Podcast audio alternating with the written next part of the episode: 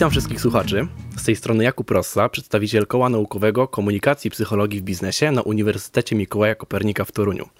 Mam przyjemność w dzisiejszym podcaście gościć doktora habilitowanego nauk humanistycznych, nauczyciela akademickiego, profesora Uniwersytetu Mikołaja Kopernika w Toruniu, a poza tym również psychoterapeutę poznawczo-behawioralnego i trenera umiejętności osobistych, Tomasz Kruszewski. Dzień dobry, witam. Dzień dobry, witamy. Dzisiaj chcielibyśmy zahaczyć o kilka ciekawych zagadnień związanych z psychologią, ale na początku e, chciałbym bardziej pana profesora przedstawić e, pytania związane bezpośrednio e, z pańską działalnością, z pańską osobą. Więc pierwsze, co chciałbym zapytać, to jak zaczęła się pańska przygoda z psychologią? Skąd wzięło się pańskie zainteresowanie tym obszarem? Bardzo dobre pytanie, ale nie wiem, czy odpowiedź będzie y, właściwa, bo y, droga nie była chyba specjalnie ambitna. Ja z pierwszego zawodu, o czym mało kto wie, jestem automatykiem aparatury kontrolno-pomiarowej, czy jestem y, technikiem, który zajmuje się naprawianiem różnych urządzeń, a te urządzenia zwykle działają w fabrykach i z tego jest wniosek taki, że musiałbym chodzić do pracy na godzinę 6 rano, najpóźniej na 7. No i sobie pomyślałem, jak zrobiłem ten zawód, że ja nie chcę chodzić do pracy na 6 rano. No i potem pomyślałem sobie, że chyba inni ludzie też nie chcą, więc jak ja bym połączył swoje ograniczenia z oczekiwaniami innych ludzi, to zawód psychologa byłby chyba e, wygodnym do tego, żeby wygodnie móc się wyspać, dopiero potem zacząć pracować. Rozumiem. Także to była ta rzecz najstarsza. E, natomiast, tak mówiąc bardziej poważnie, to, to, to, to, to psychologią jako taką częścią mojego życia e, na stałe e, stała się ona wtedy, kiedy miałem egzamin z psychologii społecznej. E, to był bardzo ciekawy dla mnie egzamin, bo zobaczyłem, że psychologia naprawdę działa. Byłem studentem średnim, a z rzeczy, które mnie interesowały, dobrym. Natomiast na psychologii społecznej byłem takim czwórkowym studentem, na pewno się nie wyróżniałem niczym. Natomiast pani profesor z nieznanych mi powodów do teraz jakoś wkręciła sobie, że ja jestem jakiś wybitny, że ja wszystko wiem. Co zresztą mówiła innym studentom, że tutaj pan Kruszewski to on taki super student, wszystko umie i tak dalej. No i yy, przyszedł, przyszedł czas na egzamin. Egzaminy wtedy jeszcze były tylko ustne yy, i naprawdę byłem nauczony, ale jednego pytania nie znałem, znaczy odpowiedzi na jedno pytanie nie znałem. Nie wiedziałem, dlaczego małe gąski chodzą za ogonem, za ogonami swoich matek. Ja mówię, kurwa, żeby tylko nie to. E, przepraszam za, za wulgaryzm, ale tak wtedy powiedziałem do siebie. No i pierwsze pytanie, pani profesor. No to panie Tomaszu, y, dlaczego gąski chodzą za ogonami swoich matek? no i niestety powiedziałem pani profesor, że nie wiem. Pani profesor odrzekła, nie, nie, panie Tomaszu, pan na pewno wie, proszę się zastanowić. Ja mówię, no nie, no naprawdę nie wiem. Na pewno pan wie, panie Tomaszu. No to zacząłem już wtedy wątpić. Mówię, może rzeczywiście wiem, ale nic mi do głowy nie przychodziło. E, kiedy po raz trzeci odpowiedziałem, że jednak nic nie przychodzi mi do głowy, to pani profesor odpowiedziała za mnie na to pytanie. E, potem dostałem dwa kolejne, już na które odpowiedziałem. E, wyszedłem z oceną bardzo dobrą, jako jedyny z roku. I wtedy właśnie uświadomiłem sobie, że różne prawidłowości, o których się uczyłem na psychologii, naprawdę działają.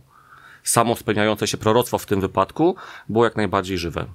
No i wtedy pomyślałem, że w związku z tym ja mogę to w życiu robić yy, i patrzeć, jak działają ludzie i w jaki sposób się doszukiwać pewnych prawidłowości. Rozumiem, bardzo ciekawa wypowiedź i, i ciekawa historia e, z Pana strony. E, to też pokazuje, że tak naprawdę nie jest za późno, aby gdzieś zmienić swoją ścieżkę kariery i spróbować czegoś nowego, czegoś innego e, i, i warto próbować. A mam też takie pytanie. E, zdobywanie którego stopnia naukowego wspomina Pan najlepiej? Czy, czy coś w, w Pańskiej pamięci się wyróżnia na, na tym tle, czy raczej tak mhm. jednostajnie? E, szczególnie w pamięci utkwiła mi habilitacja. E, w tamtym czasie habilitacja wyglądała nieco inaczej niż dzisiaj bo dzisiaj to, nie wiem czy Państwo wiecie, no to jest tak, że y, pracownik naukowy składa swój dorobek, y, wydrukowany, skserowany do pewnej komisji, komisja ta sobie ocenia, komisja się spotyka i potem mówi dajemy albo nie dajemy. Mhm. Pracownik nie ma żadnego kontaktu z tą komisją, nie ma stresu w postaci odpowiedzi, po prostu czeka w domu na, na telefon. Wtedy, kiedy ja robiłem habilitację, to ona wyglądała inaczej, a mianowicie habilitant musiał wystąpić przed całą radą wydziału, wszystkimi profesorami z, z, z wydziału, na którym chciał się habilitować i ci profesorowie zadawali mu tak zwane pytania z sali. Okej. Okay stu profesorów, to możliwości pytań. Natomiast oczywiście było też kilka możliwości takich przewidzenia jakichś zagadnień. Ja broniłem, robiłem habilitację na Uniwersytecie Wrocławskim i to nie chodziło o to, że to było takie trudne, bo wtedy też nie wiedzieliśmy, że może być łatwiej, ale chodziło o to, że w mojej komisji profesorskiej, czy w ogóle w tym zespole profesorskim był profesor Miodek, który jest moim ideałem, jeżeli chodzi o polszczyznę. No i sobie o wiele bardziej wkręciłem, że już znowu użyję tego słowa, to, że muszę odpowiedzieć przede wszystkim ładnie, a dopiero na drugim mm, miejscu mądrze, bo profesor Miodek mnie słucha. No i, i, i rzeczywiście przyłożyłem się bardzo mocno do takiej pięknej polskiej wypowiedzi, no i jakoś się przeczołgałem i zostałem habilitowanym doktorem. Bardzo fajna historia, dziękujemy e, za odpowiedź. Przechodząc już bardziej w stronę naszego głównego dzisiaj tematu, będziemy poruszać tematykę zaburzeń psychicznych. Chciałbym najpierw zapytać, bo tak bardzo mnie to interesuje i ostatnio o tym myślałem, czy w psychologii są jakieś zjawiska, zachowania, których współcześni psychologowie nadal nie potrafią wytłumaczyć? Mhm.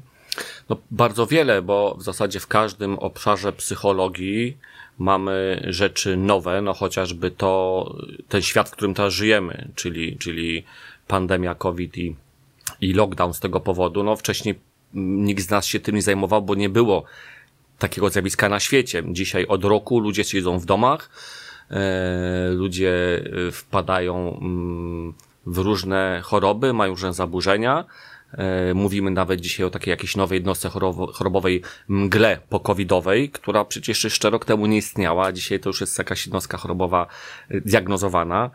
E, no i świat nas cały czas zaskakuje. Kilka dni temu mieliśmy okazję zobaczyć ludzi tańczących na krupówkach. Mm, dla nas i dla socjologów są to zawsze zjawiska nowe. Są pewne pewnie podobieństwa, ale jednak ten nowy świat nam gotuje wciąż nowe, nowe, nowe badania, nowe tematy do badań. Tak, jednak wiele zjawisk już zostało dogłębnie zbadanych Aha. przez psychologię i, i jednym z nich są jest wiele zaburzeń e, psychicznych, w tym na przykład depresja i tak. E, dużo mówi się o wzroście w ostatnich latach liczby osób, które zmagają się z depresją i, i właśnie z różnymi zaburzeniami. E, szczególnie wśród młodzieży, lecz nie tylko. I chciałem spytać, co jest takim powodem tego wzrostu w ostatnich latach? O, pewnie jest wiele tych powodów, e, bo mm, problem z depresją to jest taki, że wielu ludzi myśląc o depresji ma taką wiedzę na poziomie telewizji śniadaniowej. To znaczy, że ludzie myślą, że jak ktoś ma depresję, to jest smutny. A tymczasem depresja to jest smutek, to jest żal, to jest gniew, to jest yy, yy, niewłaściwa ocena siebie i jeszcze parę innych składników i one w różnym zagęszczeniu u różnych osób występują. Mniej więcej połowa wszystkich pacjentów, z którymi ja teraz pracuję w gabinecie, to są osoby z zaburzeniami nastroju. E, czasami diagnozujemy tutaj depresję kliniczną, ale czasami zaburzenie nastroju jest tylko towarzyszące innym chorobom. E, więc oczywiście my wiemy dzisiaj, jak działa depresja, co uruchamia w mózgu, więc od takiej strony e, patogennej rozumiemy to zaburzenie. Natomiast e, to, że depresja wciąż wiąże się z różnymi nowymi sposobami życia, nowymi doświadczeniami ludzi, no powoduje, że my też terapeuci, psycholodzy musimy obserwować świat i wciąż dopasowywać nasze techniki pracy do zmieniających się warunków na tym, w tym świecie. Mhm. A mm, tak, kontynuując ten mhm. temat, chciałbym również zapytać, e, bo jak wiadomo, im we wcześniejszym stadium rozwoju choroby ją zdiagnozujemy, tym potem e, łatwiej będzie ją uleczyć. I tak. moje pytanie jest takie, jakie objawy powinny nam w głowie zapalić tak zwaną lampkę, że czas zbadać tę sytuację, moje zachowania, bo trochę mnie niepokoją, Aha. E, czas pójść do psychologa. Aha. Mm no my tutaj dysponujemy pewnymi narzędziami do diagnozy. Yy, mamy klasyfikację chorób, w których są kryteria yy, każdej choroby podane. No, przeciętny Kowalski na ulicy nie zna tych kryteriów, więc to, co może, to obserwować swoje zachowanie i sprawdzać, czy jego obecne zachowanie w ciągu ostatnich kilku tygodni, dajmy na to sześciu, yy, zmieniło się radykalnie w kilku zakresach. Na przykład, że śpi o wiele więcej albo o wiele mniej niż wcześniej, że je o wiele więcej albo o wiele mniej niż wcześniej, że częściej dostrzega y, świat y, jako coś y, trudnego, smutnego niż wcześniej. Y, że jego y, emocje są bardziej y, jednorodne albo że te emocje są bardziej silne mm, niż wcześniej. Jednym słowem, jest kilka kryteriów, które trzeba brać pod uwagę i one muszą być traktowane wspólnie. Znaczy, sam fakt, że ktoś więcej śpi, jeszcze nie znaczy, że ma depresję. Mhm. Ale jeżeli więcej śpi, mniej je, mniej kontaktuje się zna ze znajomymi, mm, a przy tym jeszcze jest drażliwy, no to rzeczywiście są to już takie kryteria, które mogłyby wskazać człowiekowi, że dzieje się ze mną coś niepokojącego i to powinien być czas, w którym warto byłoby skonsultować to albo z lekarzem psychiatrą, albo psychologiem, albo psychoterapeutą. Czyli wśród takich różnych zmian, które zauważamy w naszym mhm. zachowaniu, możemy dopatrywać się tego. A rozumiem. A jeżeli spojrzymy na to z tej strony, że wiele osób nadal postrzega psychologię w taki konserwatywny sposób. Mam na myśli mhm. to, że niektórzy stwierdzają że dalej, że leczy się tylko ciało, a tak. nie umysł, y, że, że komu to potrzebne, że tak to nazwę. I chciałem spytać, w jaki sposób takim osobom z takim podejściem można uświadomić to, przemówić do nich, że dbanie o zdrowie psychiczne jest również bardzo ważne, a skorzystanie z porad specjalistów może im naprawdę pomóc. Mhm. Choroby psychiczne to są choroby. Tak samo jak choroby kardiologiczne, choroby reumatoidalne, to są po prostu choroby. Lekarz psychiatra jest tak samo lekarzem jak lekarz ginekolog czy chirurg. Jednego boli noga, innego boli żołądek, a jeszcze inny ma trudności z akceptacją siebie permanentne. Yy, więc przede wszystkim jest to po prostu choroba czy też zaburzenie. Oczywiście ja rozumiem, że problemem jest y, to, że wciąż mm, funkcjonuje w obiegu społecznym takie wyobrażenie ludzi chorych psychicznie albo z zaburzeniami psychicznymi jako ludzi z tak zwanymi żółtymi papierami, wariatów, czubków. E, I że to nie są choroby, ale często na przykład wymysły, żeby się migać przed czymś. Jeżeli przyjmiemy na tą sytuację, że to jest choroba, no to to, to, to zupełnie wygląda inaczej. No, jeżeli kogoś boli brzuch, to nie powiemy jemu, a weź staraj się, żeby cię nie bolał brzuch. Natomiast jak ktoś jest smutny przez miesiące, to mamy o wiele większą łatwość powiedzieć mu, a weź spróbuj być bardziej pogodnym. Nie? To, to znaczy, że człowiek w ogóle nie rozumie, że choroba psychiczna to jest choroba, więc to, co mogę zaproponować, y, pewnie nie ja pierwszy i nic nie odkrywam, no to edukację społeczną. Cały czas podkreślanie tego, że choroby psychiczne są jednymi z wielu chorób. Nie są lepsze, nie są gorsze, nie są też inne. To jest mózg, głowa, to jest jeden z, z kawałków człowieka, tak samo jak ręka i, mhm, i wątroba. Oczywiście. I tyle. Po prostu edukować ludzi. A czy na przykład nieodpowiednia dieta również może przyczynić się do tego, e, że nasze zdrowie psychiczne będzie się pogarszać? Kiedy przychodzą do mnie pacjenci i, wiemy, że to jest e, depresja kliniczna, bo przychodzą na przykład już z, z papierami, e, z epikryzą od lekarza psychiatry, no albo ja tutaj w toku diagnozy to zauważam, no to jednym z pierwszych zadań do pracy dla pacjenta jest zadbanie o higienę higienę snu i higienę odżywiania się. Znaczy sprawdzamy, czy człowiek właściwie je. Człowiek zdrowy, homo sapiens każdy, powinien jeść 4 lub 5 razy dziennie, w odstępach mniej więcej 2,5-3,5 godziny między posiłkami.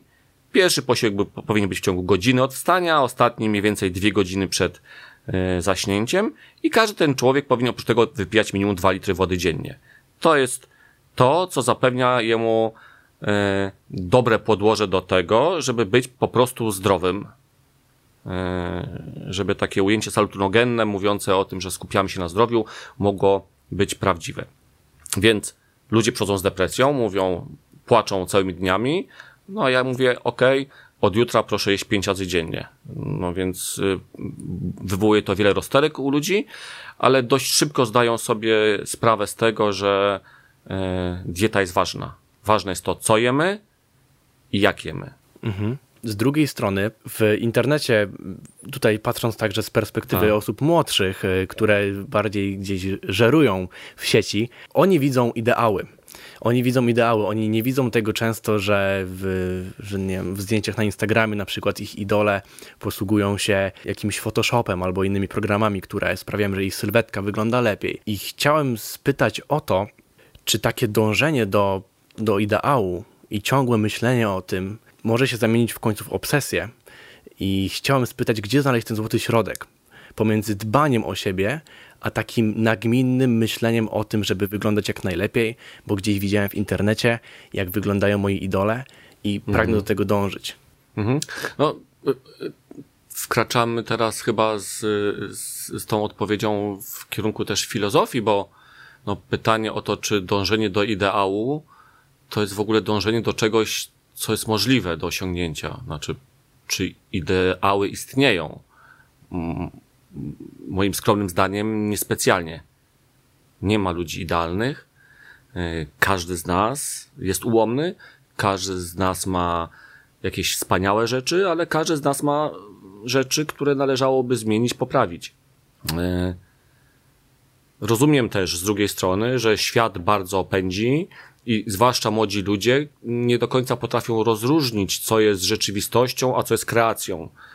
Na ile celebryta z Instagrama jest prawdziwym człowiekiem, a na ile jest tylko obrazkiem, który przy okazji coś, a może nie przy okazji, coś sprzedaje. E, znowu powtórzę się chyba, no, że edukacja jest cały czas tym kluczowym narzędziem mm, do mm, pilnowania tego, jak moglibyśmy zdrowo, zdrowo żyć. A jeszcze jak pan no, mówi o, o, o idolach, pyta o, idol, o, o, o, o idolów, idolów? Idoli? idoli? Chyba idoli. idoli. Proszę bardzo. Y, no to zwrócę też uwagę, że idole również mają depresję. Nie? To nie jest tak, że jak ktoś jest y, celebrytą, który ma miliony lajków, że jest y, ponad problemy, ponad choroby, zwróćmy uwagę, że anoreksja czy bulimia jest to choroba bardzo często obecna wśród tak zwanych idoli, nie? bo doprowadzanie swojej sylwetki do tak zwanej perfekcji no, powoduje też zaburzenia. Nerwoza bulimia jest jednym z częstszych zaburzeń, też o podłożu, o podłożu yy, psychicznym. Więc gdybym był nauczycielem w szkole, bardzo dużą uwagę kładłbym na mówienie moim podopiecznym, słuchajcie, nikt nie jest idealny i wy też nie musicie być. Pewnie nie zadziała, no ale trzeba wierzyć, że chociaż któryś e, posłucha tego. Tak, i też na pewno przyczynia się do tego fakt, że w internecie jednak nie widzimy pełnej prawdy, widzimy pewną część życia, którą ludzie pragną nam przedstawiać, Mhm. Ale my nie możemy, my możemy sobie nie zdawać z tego sprawy, że codzienność tego człowieka wygląda zupełnie inaczej niż na tych zdjęciach, które my obserwujemy. I tak krążąc w temacie działalności w internecie, e, zauważyłem w ostatnich latach też taką ciekawą tendencję, e, która powstała chyba dosyć niedawno, do takiego chlubienia się zaburzeniami psychicznymi i traktowaniem ich poniekąd jako cechy osobowości i pokazywanie każdemu, że na przykład mam depresję, zamiast podejścia do tego e, jako naprawdę do choroby, którą, do której powinno się podejść jako naprawdę do choroby. Hmm, tak, tak, tak pan zauważa, bo jestem trochę starszy, więc jakby może mam mniejsze wyobrażenie tego, co się dzieje w środowisku młodych ludzi. Rzeczywiście tak jest, że młodzi ludzie się chlubią tym, że że o, fajnie, mam depresję, tak, że to jest taki cool. Oczywiście nie jest to jakiś wyznacznik dla wszystkich ludzi, no jasne, ale, ale jest to jakaś tendencja, która ostatnich latach jest zauważalna przez y, jak pytałem moich znajomych, Aha. nie jestem jednostką, która Aha. tylko to zauważa, ale naprawdę jest to gdzieś widoczne. Jak pan profesor myśli, co może być przyczyną takiego podejścia? jakby chyba ta odpowiedź też jest powiązana troszeczkę z poprzednią naszą, poprzednim tematem, no bo dojrzewamy, staramy się w ramach tego dojrzewania wykreować jakiegoś siebie. Mm, fajnie byłoby, żebym był inny niż reszta. No ale na świecie jest 7 miliardów ludzi. Bardzo trudno być innym niż reszta. Ale ja bardzo chcę być inny, bo mhm. uważam, że jak będę inny, to będę lepszy. A jak będę lepszy, to wtedy będę bardziej wartościowy mhm. i będę kimś. No więc w czym mogę być lepszy? No, jeden może być lepszy w ocenach, inny w, w ustawkach kibiców, jeszcze inny będzie lepszy w pomaganiu psom w schronisku, a jeszcze inny będzie lepszy w tym, że ma jakieś nietypowe zaburzenia albo choroby. Mm, no przecież jak spojrzymy na anoreksję, no to ona zaczyna się po pierwsze z poczucia niedowartościowania, a po drugie z pragnienia bycia wyjątkowym. E, osobiście, no, jeżeli mogę tutaj się podzielić swoimi doświadczeniami, to zaburzenie osobowości typu borderline jest bardzo trudne do leczenia i bardzo trudne do życia i tej osobie oraz też osobom, które żyją z Y, z kimś, kto ma y, borderline, więc to nie jest nic fajnego mieć borderline. Pewnie na krótką metę, żeby gdzieś tam się wylansować, może to i działa. Natomiast nikomu nie życzę, żeby, żeby naprawdę to miało. To jest bardzo ciężkie, ciężkie zaburzenie.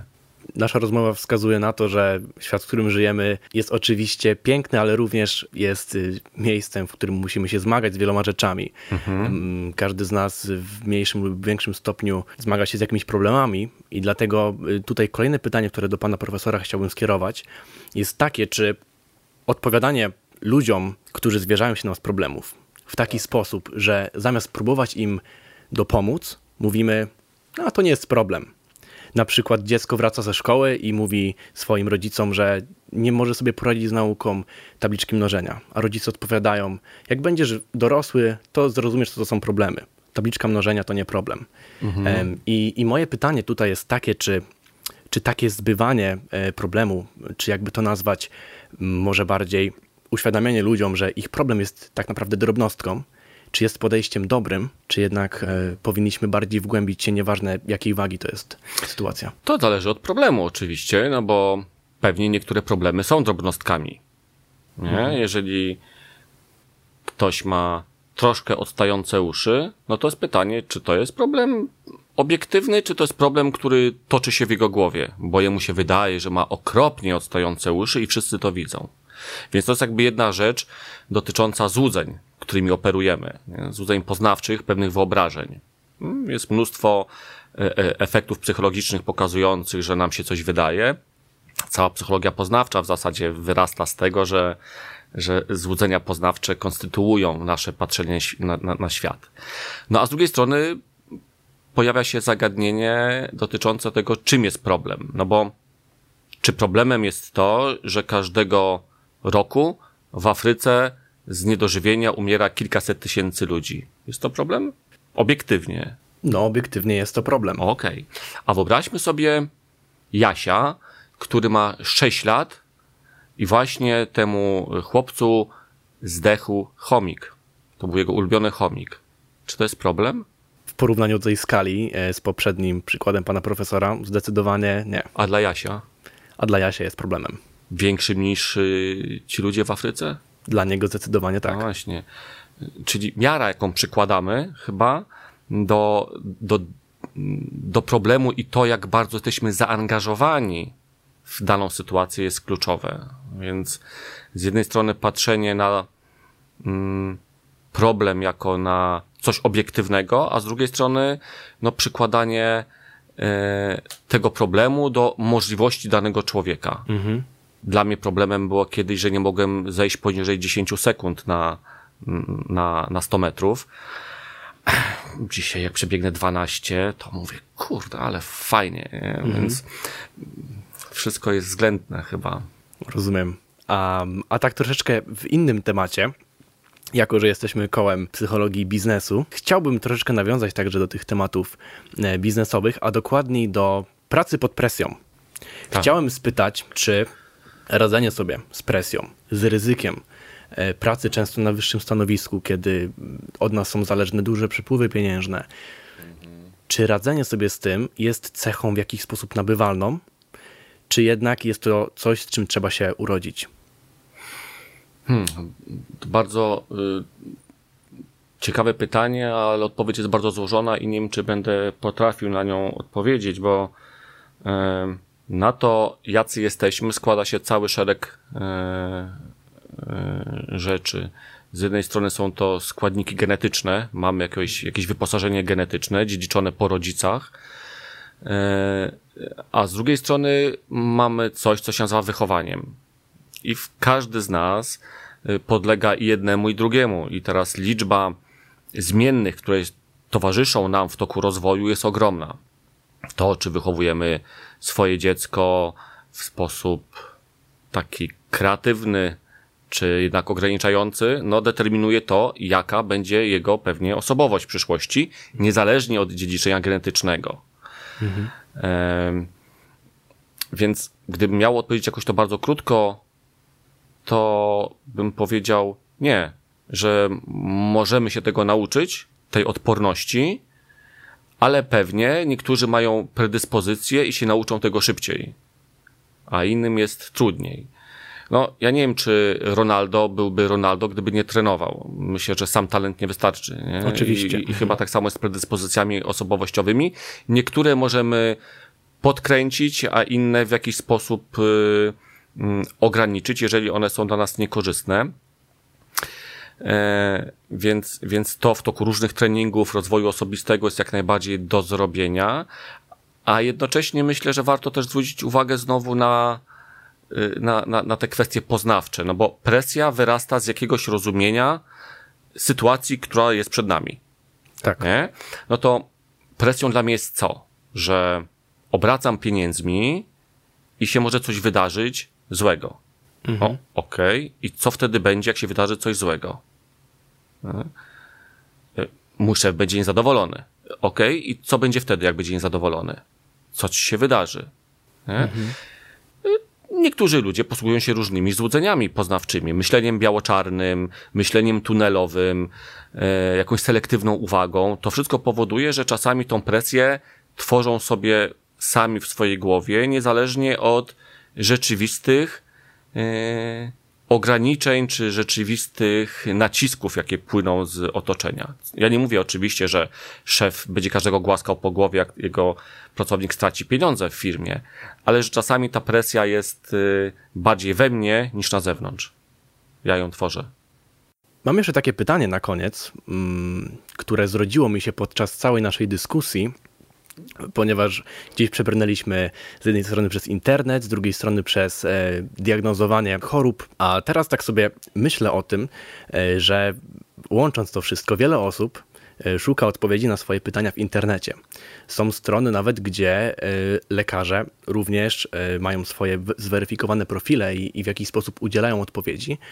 I chciałem zapytać, czy mm, szukanie takiej ostatecznej odpowiedzi na pytania związane z chorobami psychicznymi, czy internet jest dobrym źródłem do tego, czy jednak y, lepiej za każdym razem udać się do specjalisty, aby on indywidualnie spojrzał na nasze problemy? Odpowiedź brzmi nie, nie jest dobrym źródłem. Każdy z nas y, ma y, to złudzenie o nazwie selektywna uwaga. I w związku z tym w internecie widzi te rzeczy, które jemu z jakichś powodów pasują. Nawet jeżeli pasują nieświadomie, to pewne rzeczy wybiera, a inne odrzuca. Mhm. Co powoduje, że być może te informacje czyta wybiórczo albo wybiórczo je rozumie. Tak. E, niektórzy ludzie, mm, zanim wezmą e, tabletkę, e, zanim zażyją tabletkę, to czytają dokładnie ulotkę i zaczynają od skutków ubocznych. Mhm. No, witamina C też ma skutki uboczne, mm, więc patrząc tylko na skutki uboczne, to w zasadzie powinniśmy żywić się tylko trawą jako y, lekiem. E, ale chyba trawa też ma skutki uboczne, wydaje mi się, bo mój kot wymiotuje po trawie, także. E, poza tym introspekcja, nie? To jest coś takiego, co powoduje, że mm, my chcemy sami ocenić swój stan. No pytanie, czy możemy.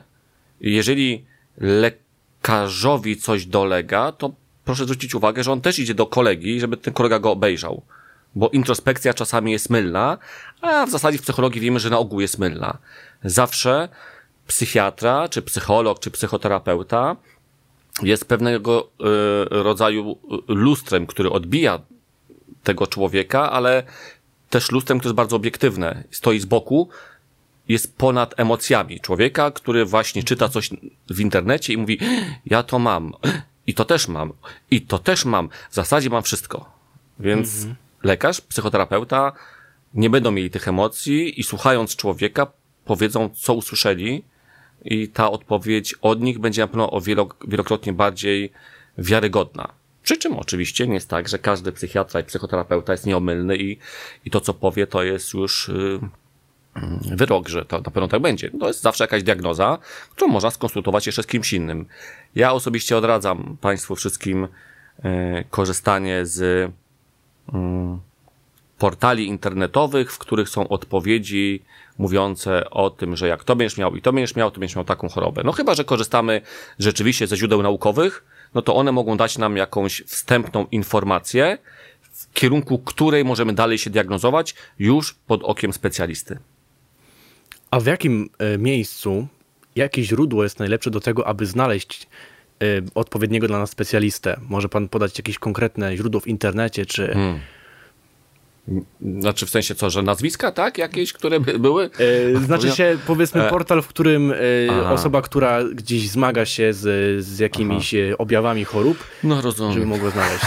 rozumiem, ale nie wiem, czy możemy robić teraz kryptoreklamę, no bo no jest taki jeden duży portal, w którym się rejestrują lekarze.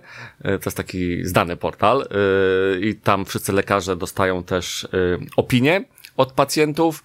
E, więc w tym portalu można e, namierzyć danego specjalistę e, z danego miejsca w kraju.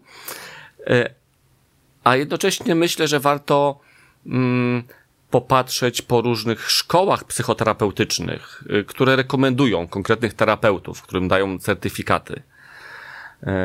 Jednocześnie istnieją też gabinety, które również mają swoje, e, e, swoje opinie, pod którymi klienci, pacjenci wyrażają swoje, swoje zdanie.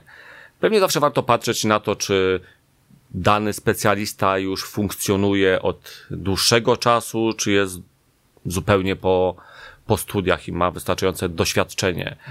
Czy te opinie pacjentów, chociaż one są zawsze subiektywne, czy jednak w większej mierze są pozytywne niż negatywne. No i wreszcie chyba to, co najczęściej się dzieje, przynajmniej te, tego ja doświadczam w gabinecie, to poczta pantoflowa. Y, pacjenci polecają y, specjalistów innym pacjentom. Ja u niego byłam, on jest super. Albo, o, do niego nie chodź, bo on mnie źle potraktował. I, i też trzeba chyba trochę taką pocztą pantoflową poza, zaciągać informacji. Takie ostatnie pytanie, które chciałbym panu profesorowi zadać, jeżeli mógłby wypić pan kawę z dowolną osobą na Ziemi, i tutaj pomijamy wszelkie bariery czasowe, mam na myśli to, że to nie musi być osoba, która żyje razem z nami w tej epoce. Kto to by był i dlaczego? Ojej, nie mogę tego powiedzieć panu, bo y, moje, moja żona może słuchać y, tego podcastu. Um, ja bym z Penelope Cruz bym chciał wypić kawę chyba. E, ale gdybym jeszcze chciał oprócz yy, kawy w, w, w, w, pięknej atmosferze mieć też ciekawą rozmowę, to z Jackiem Kuroniem, mówiąc już teraz poważnie. Myślę, że to jest wciąż człowiek bardzo niedoceniany w naszym kraju, a jest to postać, była to postać wybitna. Yy, człowiek o ogromnym intelekcie, ogromnej empatii, wielki społecznik, który pomimo tego, że jego życie z powodu komunistów y, no, było trudne. Y, kiedy zmarła jego żona, na przykład y, komuniści nie wypuścili go nawet na pogrzeb, to pomimo tego on wciąż służył ludziom, pomagał i, i starał się zrobić coś dobrego, zostawić po sobie coś fajnego chciał. Także myślę, że kawa. Przy czym wiem, że on pił taką kawę mm, po turecku, to się kiedyś mówiło, woda z żużlem, taka Mm, tak, siekiera, tak. żeby łyżkę postawić. Nie wiem, czy ja bym to przetrwał, ale tak, to chyba Jacek Kuroń. W takim razie dziękuję panu Dziękuję, profesorowi za dziękuję, odpowiedzi na dziękuję. pytania. Bardzo E, miło Naszych słuchaczy pragnę przekierować do innych nagrań oraz zachęcam do tego, aby wyczekiwać kolejnych nagrań e, z różnymi gośćmi, których będziemy za- zapraszać w obrębie naszego koła naukowego. Czy ja mogę jeszcze powiedzieć jakieś takie motto na koniec spotkania? Oczywiście. Ludzie, nie jedzcie mięsa. Nie zabijajcie zwierząt. Zwierzęta powinny żyć i umierać wtedy, kiedy kończy ich się czas. Nie jedzcie ich. Dziękujemy bardzo za podsumowanie. Moim dzisiejszym gościem był profesor Tomasz Kruszewski. Bardzo dziękuję za zaproszenie.